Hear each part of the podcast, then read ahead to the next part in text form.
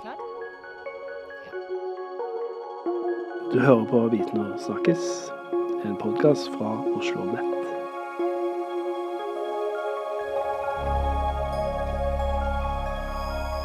Velkommen til en ny episode av Viten og snakkes.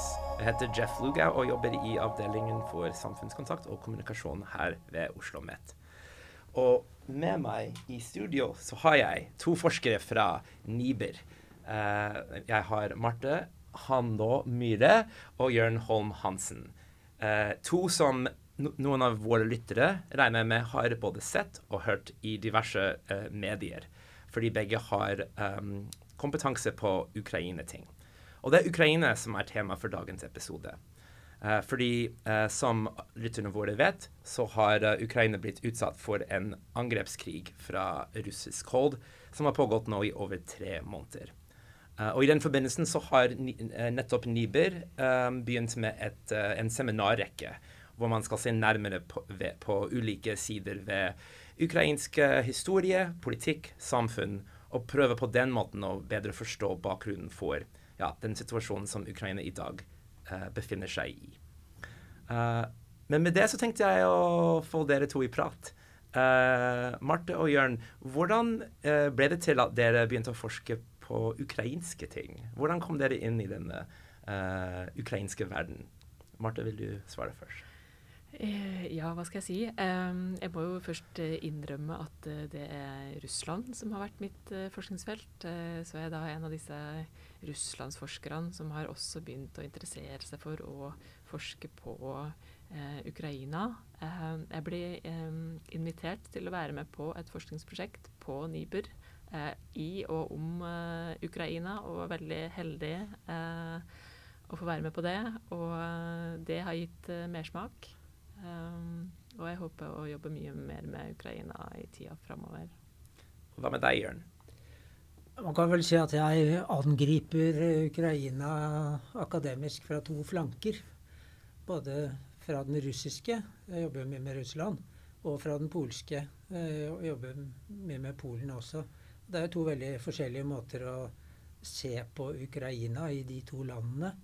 Uh, jeg syns er ganske interessant. Men her er det jo et problem, og det er at veldig mange av oss som jobber med Ukraina Ikke alle. Det fins uh, veldig mange Det fins noen veldig gode Ukraina-kjennere blant uh, forskerne i Norge i dag. Men de fleste av oss som jobber med Ukraina, har jobbet med Ukraina, gjør det med et utgangspunkt utenfra. sånn at det er en slags behov for en slags dekolonisering, kanskje, av måten vi ser på Ukraina på. Og gjør noen forsøk på å se det fra eh, ulike ukrainske synsvinkler. Men på den annen side så er det jo sånn at uh, Dette gjelder ikke bare Ukraina, det gjelder mange andre land også. at uh, man må forstå det med lys av de uh, settingene de har vært i tidligere. Og Ukraina, mesteparten av Ukraina har jo i århundrer vært en del av Russland. Og deler av eh, Ukraina i vest og sør-vest har ligget under andre makter gjennom hele 1800-tallet, under Habsburgerriket f.eks.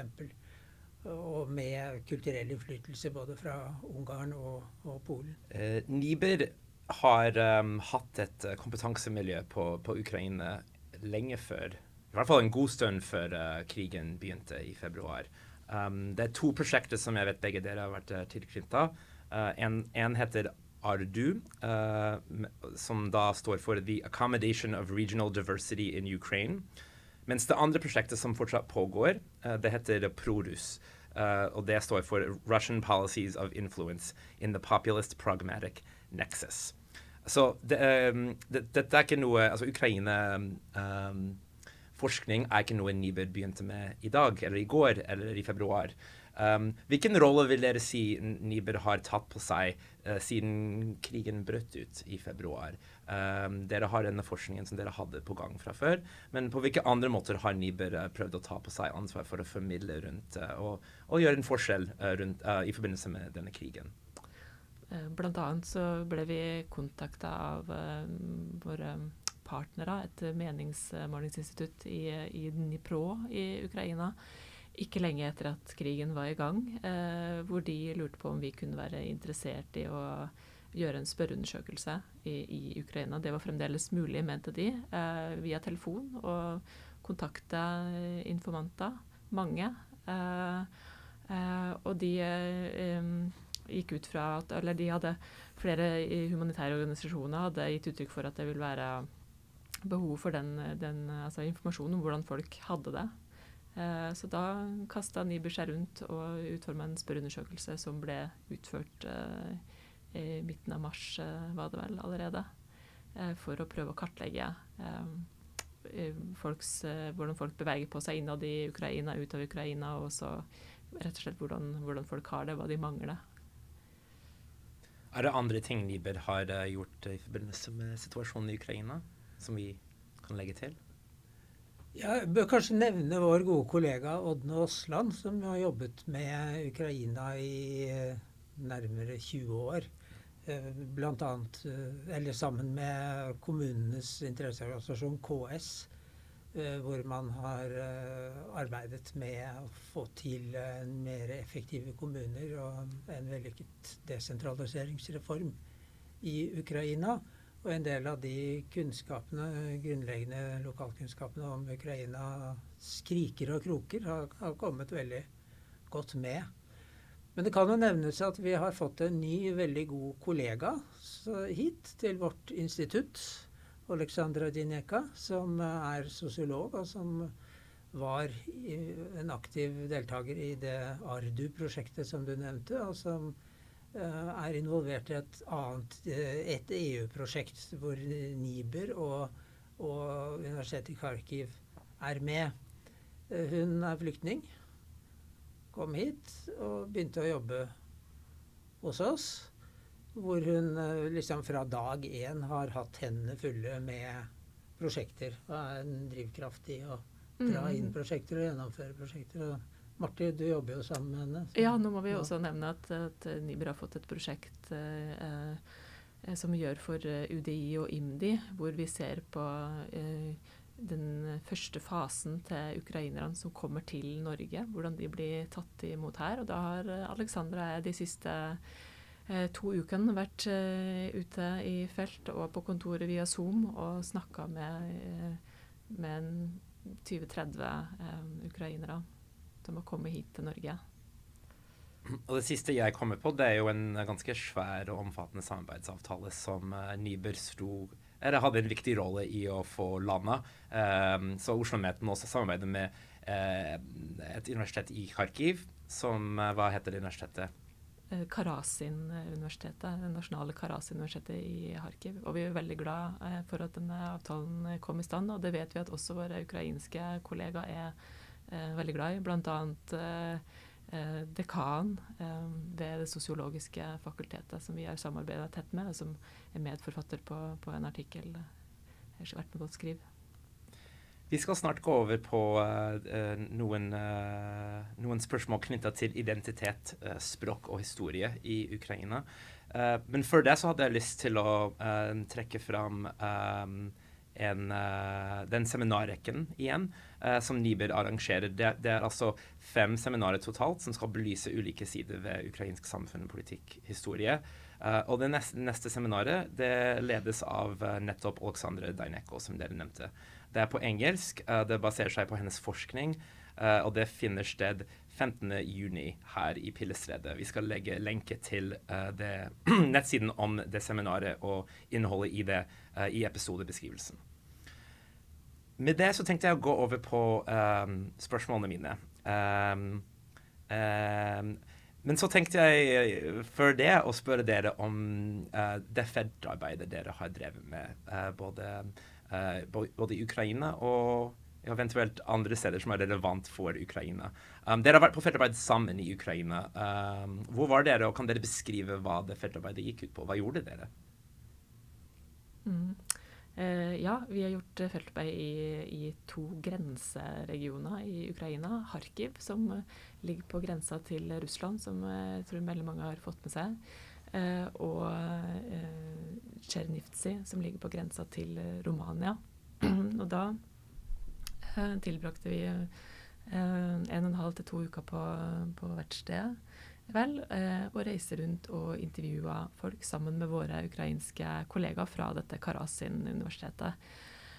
Um, jo, hva var det vi var interessert i? Eh, I dette Ardu-prosjektet så um, så vi på eh, noen eh, reformer i Ukraina, og hvilken innvirkning de har hatt på det vi kan snakke om som det sosiale limet i landet. Altså, Ukraina er et multietnisk land, og disse um, regionene som vi var spesielt interessert i, har også eh, forholdsvis store etniske minoriteter altså i Kharkiv-regionen.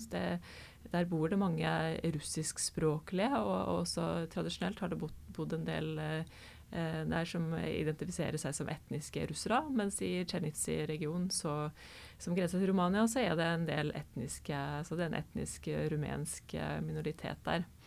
Eh, og da var det to eh, reformer spesielt vi var interessert i, i tillegg til at vi var interessert i mer sånn eh, overordna eh, politisk eh, utvikling i landet. Men de to eh, reformene var altså desentraliseringsreformen, som går på at, eh, at Ukraina har gått fra å hva skal jeg si, ha ha mange være, være, veldig sentralisert. Du får hjelpe meg, Jørn.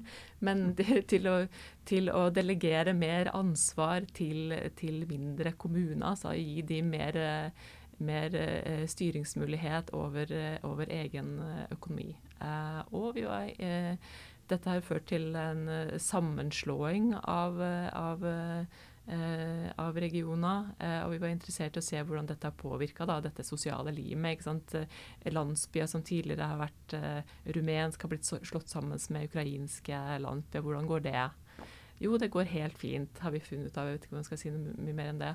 Eh, og eh, når det gjelder den andre reformen vi var spesielt interessert i, så gjaldt det eh, undervisningsspråket i den ukrainske skolen, eh, hvor de etter en undervisningslov som kom i 2017, har eh, innført en del begrensninger på hvor lenge eh, barn i Ukraina kan få undervisning på eget eh, morsmål. Altså mens rumenere har kunnet hatt hele skolegangen, eh, grunnskolen, på, på rumensk tidligere, så ble det noe begrensning som gjorde at de kunne, kunne ha første årene på barneskolen på rumensk.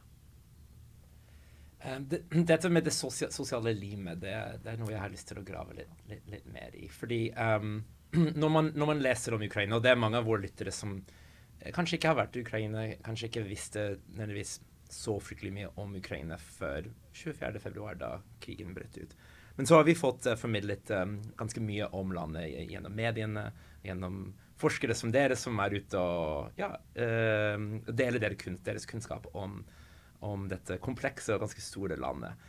Um, men en forestilling som jeg tror noen sitter med, er at det er disse språklige, nettopp disse språklige skillelinjene mellom, mellom de ukrainsktalende, de russisktalende. Du nevnte også rumensktalende, det ungarsktalende og, og, og, og, mange flere grupper.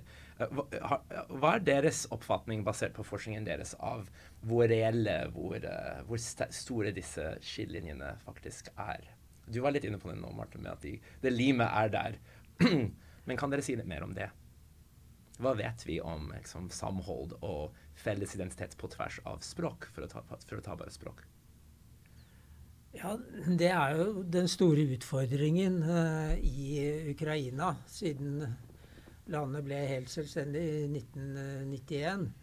Uh, og hvordan man skal uh, hva skal man si, definere hvem som hører hjemme ordentlig der.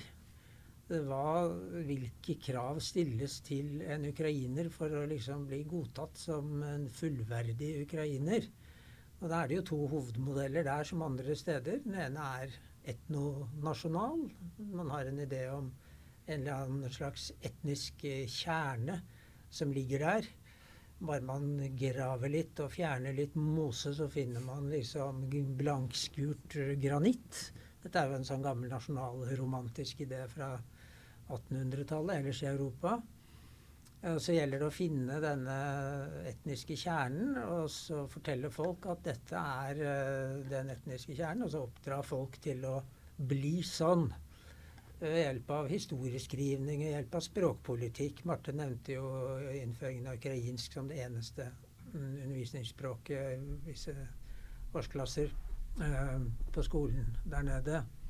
Men den andre modellen ja, og Tanken bak denne etnonasjonale modellen er vel at man da ser for seg at man skal kna folket sammen rundt denne statlig bestemte definisjonen av hva det vil si å være ukrainsk.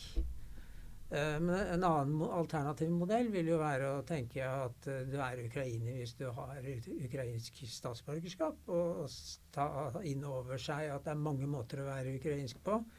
En ting er det med språk, som du nevnte, Jeff. Og der er det ganske flytende, for det, dette er to relativt like språk. sånn at det er ikke noe sånn voldsom uh, greie for en russisktalende å forholde seg til ukrainsk. Der, I går sendte jeg en e-post til banken min i Sverige hvor jeg moret meg med å leke russiskspråklig ukrainer. Jeg skrev den på svensk. Jeg syns det ble utmerket svensk selv, men jeg er ikke helt sikker på om mottakeren syns det. Men det er jo ikke noe sånn kjempe oppgave. Men det er mange måter å være ukrainsk på, da, og det dreier seg som sagt til dels om språk som er flytende. Noen snakker språk med en gang de går over terskelen til jobben sin, ukrainsk. Og så når de går ut og tar en øl etterpå, så er det ingen tvil om at det er russisk det går i. Og det kan være folk som er veldig sterke ukrainske patrioter. Men det dreier seg også om litt andre ting. fordi at uh, Ukraina, i likhet med veldig mange andre land, er jo sammensatt av eh, landområder som har ligget under ulik kulturell innflytelse gjennom århundrene. Noen har ligget under polsk kulturell innflytelse, andre under russisk, f.eks. Uh, og da legger man seg til litt ulike vaner, og man legger seg eh, Oppfatter kanskje historien annerledes. ikke sant? Disse vestlige delene av Ukraina kommer med Ukraina først i 1945. Mens de andre delene hadde levd sammen med og hadde dels vært russere i, i århundrer. Og da er det snakk om f.eks. hvordan man skal forstå historien. Hvordan skal man forstå uh, den andre verdenskrig? Skal man da kaste seg på den offisielle sovjetiske og nå russiske veldig sjablongmessige hurrahistorien om at vi, det var vi som slo Hitler, og, og, i en versjon som er helt eh, uten selvkritikk om alle de feilene og manglene og brutaliteten som også foregikk på sovjetisk side. Eller skal man kaste seg på den motsatte siden, den som er populær vest i Ukraina, om at uh, de som samarbeidet med de tyske okkupantene og var med på å uh, utrydde jøder og polakker, Eh, er de nasjonale heltene. Fordi at de benyttet dette tyske nærværet til å forsøke å opprette en ukrainsk republikk. Da tok de litt for mye tran, fordi at det ble litt for mye for uh, Nazi-Tyskland. Og så satte lederen for denne bevegelsen, da, Stepan Bandera, i husarrest.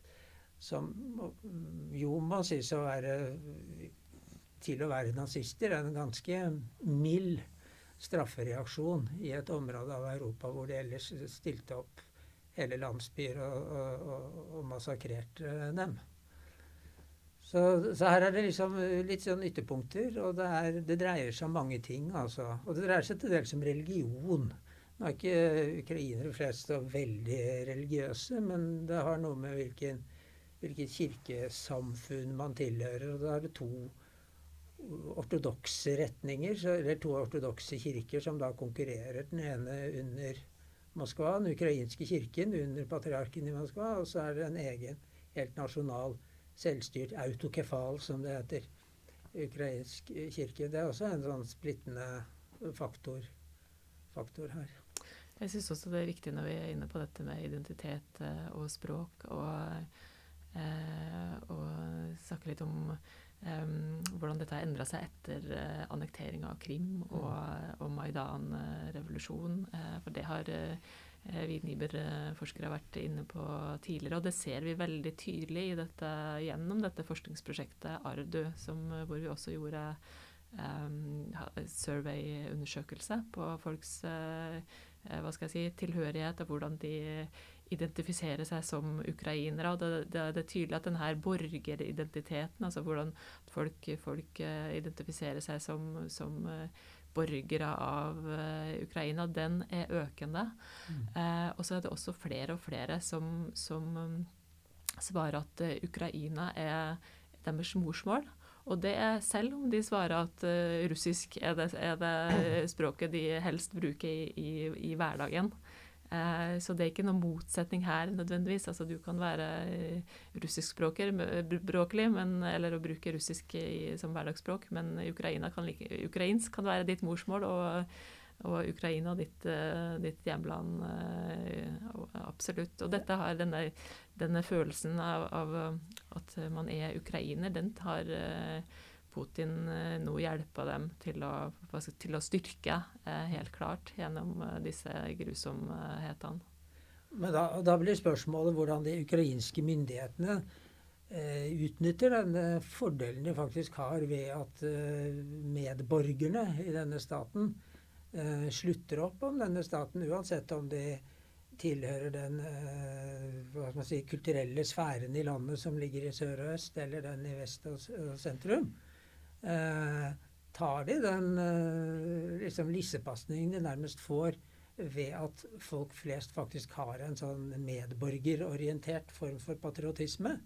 Eller skal de pukke på denne etnonasjonale modellen? Og det har jo vært eh, eh, altså Under siste valgkamp i 2019 så var det jo den sittende presidenten, Petro Porosjenko, sto jo for en sånn etnonasjonal modell. Hadde gått mer og mer i den retningen. Mens Zelenskyj eh, hadde en mer, mye mer åpen og inkluderende, egentlig mer europeisk, mangfoldsorientert modell. Som Ukraina selvfølgelig bør, sånn som jeg ser det, dyrke. Særlig hvis de har tenkt å bli med i det øvrige Europa. Så må de være litt mer som oss. Eh, men eh, det er, en, det er en fare, og det, det, er noe vi ikke vet noe om, med hvordan denne krigen virker inn på dynamikken internt i Ukraina. Er det sånn at disse etnonasjonale kreftene er på frammarsj eh, nå? Man kan jo skjønne at folk er eh, emosjonelt berørt, og man blir ofte litt eh, over, eh, si, overbegeistret for sin egen nasjon når man blir angrepet fører dette til at de som uh, snakker russisk, og som har likt å feire seiersdagen over fascismen osv., og, og som har hørt på russisk populærmusikk, uh, blir uglesett og mistenkeliggjort, da kan det hende at man pådrar seg et uh, problem som kan være, være vanskelig å, å, løse i framtiden. Og det har jo vært noen tegn nå på, som jeg tolker som at Zelenskyj har vært presset fra den etnonasjonale fløyen. Eh, F.eks. da han forbød elleve politiske partier. De fleste av dem er helt ukjente tror jeg, for de fleste ukrainske velgere. Men allikevel de to største av dem i hvert fall, partier som folk i sør og øst av landet har, tenkt, har pleid å stemme på i, i ganske stor grad. Og ukrainere er i hvert fall i noen grad er oppmerksomme på denne dynamikken. Blant annet så var det flere av de rumenerne og, og de russiskspråklige som vi snakka med eh, under feltarbeidet, som, som eh, Eh, så denne språkloven, da, eller denne utdanningsloven som begrenser bruk av, av, andre språk enn ukrainsk i undervisningssammenheng, i lys av konflikten, altså krigen i Donbass og konflikten eh, med Russland. Altså dette er på en måte press fra nasjonalistiske krefter i, i, og våre, våre, myndigheter i denne vanskelige situasjonen eh, hvor vi blir angrepet av et naboland. En ting jeg har uh, bedt meg merke i uh, blant de uh, ukrainerne jeg kjenner som har vært der på noen turer selv Altså jeg har vært der på noen turer og kjenner noen folk der. Og så følger jeg en del ukrainere i sosiale medier, f.eks. Og en, en, en, verdi, en fanesak for mange av de ukrainerne jeg kjenner, som samler dem, det er jo ideen om at de bor i et demokratisk land. Og, og, for dem er den kontrasten mellom det ukrainske demokratiet så uh, uh, uferdig som det måtte være, uh, work in progress som, altså, som det sikkert er, uh, skiller seg så sterkt fra nabolandet Russland, nettopp det landet som angriper Ukraina nå for tiden. Jeg lurer på dere, om dere har noen tanker om det. Rollen som Oppfatningen av å bo i et demokrati, om det har noen samlende kraft i Ukraina, på tvers av disse skillelinjene vi snakker om. Altså ulik orientering historisk, også ulik språkbruk.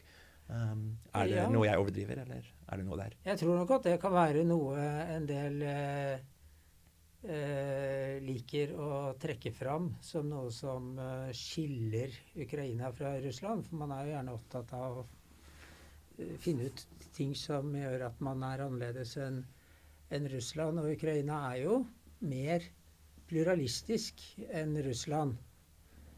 Eh, de har jo valg hvor eh, det er reelle muligheter for å kaste den sittende presidenten og den sittende regjeringen. Og det gjør de jo omtrent ved annethvert valg. Eh, og det er et mye større mediemangfold der i, også før krigen enn det det var i, Russland også før krigen. Eh, men på den annen side så er jo mye av det grunn, grunnen til at eh, det er mer pluralisme i Ukraina enn i Russland, er jo knyttet til to av de svakhetene, kanskje, ved dette, denne staten. De strukturelle svakhetene. Det, det ene er, er, jo det at uh, det er en splid mellom ulike regioner i landet. Nettopp det vi har snakket om. Den kulturelle eh, kløfta som gjør at folk samler seg om eh, to varianter av hva skal man si, idé om hva Ukraina skal være. Eh, enten en provestlig og etnonasjonal, en litt pussig kombinasjon i våre dager, eller en eh, litt sånn a-etnisk, ikke-etnisk. For det viser jo diverse undersøkelser at folk i øst og sør i Ukraina er egentlig ikke så prorussiske i den forstand. Det er mer det at de er ikke opptatt av etnisk identitet, egentlig, i det hele tatt. Men de føler seg da eh, føler at de har noe felles. Så det gjør at du får denne pluralismen. Pluss det at man ikke har fått eh, satt uh, oligarkene på geledd, sånn som uh, Putin gjorde i år 2000. Og sa til oligarkene at dere skal fortsette å være superrike, men dere skal følge statens vedtatte politikk. Gjøre som jeg sier. Noe sånn har man ikke i Ukraina. Der har oligarkene fortsatt på mange måter sånn som de gjorde på 90-tallet i Russland. med egne hirder, som eh, egne vaktselskaper som eh, beskytter eh, liv og eiendom. Og, og de finansierer ulike politiske grupperinger og, og, medier og sånn. Også sånne såkalt prorussiske har jo hatt TV-kanaler osv. Og, og da får du, jo, får du jo et mangfold. Men når man sier at Ukraina er så veldig demokratisk, så er det spørsmål hvem man sammenligner seg med. Når man sammenligner seg med Russland, så er de det. Men hvis man ser på sånne indekser, demokratiindekser og sånn, så ligger de jo langt under, skårer jo langt dårligere enn de minst demokratiske landene i EU. Ungarn. De såkalte problemlandene. Verstingene. Eh, Ungarn og Polen. Og de skårer eh, noe bedre enn Russland når det gjelder eh, korrupsjon. Men de skårer langt dårligere enn EUs mest korrupte land, Bulgaria. Og når det gjelder pressefrihet, Reporter uten grenser viser jo at de skårer langt under Ungarn, f.eks. På, på pressefrihet. Sånn at eh, denne ideen om at det plutselig skal ha oppstått et sånt uh, fullverdig vestlig liberalt demokrati uh, midt oppe i Øst-Europa i all elendigheten, det, det er ønsketenkning, altså. Det er eh, et land med store problemer som det vil være veldig vanskelig å innlemme sånn raskt, i hvert fall, i, i EU. Og som må gjennomgå enorme eh, omkalfatringer for å kunne skli inn som et normalt europeisk land. Da er jo spørsmålet om denne krigen har gjort at man kanskje har kommet dit. At man har fått det der sjokket og sparket bak til å faktisk tenker som så at nå må vi virkelig rydde opp. Det er i hvert fall å håpe. Mm. vi går snart inn for landing her. fordi uh, når vi har to i studio som har så mye kunnskap, så blir det en så god samtale det, at programleder nesten slipper å stille spørsmål. Fordi alle, alle temaene blir uh, så godt belyst av dere, så takk for det. Uh, men jeg tenkte å stille to spørsmål til helt på slutten her. Det første er at dere har begge nettverk med, med kolleger i Ukraina. Dere snakka om det feltarbeidet dere gjorde sammen med kolleger i Ukraina. Dere har også dette samarbeidet med meningsmålingsbyrået i, i Dnipro. Um, og dere kjenner rett og slett folk der. Hvordan går det med dem? Um, vi vi, vi snakka allerede om Alexandre som har flykta. Men uh, ja, hvordan går det med de dere kjenner som dere har samarbeida med?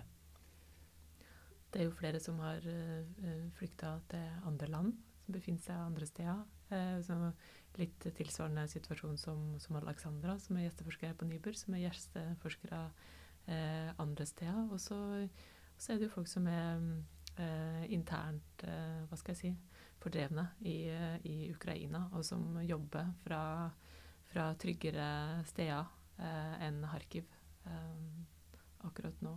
Eh, om noen har reist tilbake til Kharkiv eh, de siste dagene, det, det, tør jeg ikke å, å uttale meg om.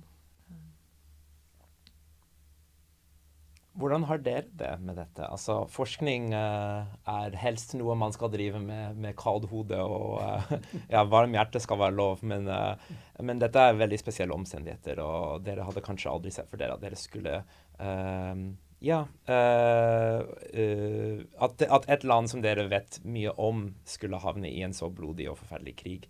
Så jeg lurer på, ja, hva, hvordan har dere det med disse medieopptredenene, podkastsamtaler? Uh, mye Ukraina i hodet døgnet rundt, sikkert for dere. Det må, det må ta litt på.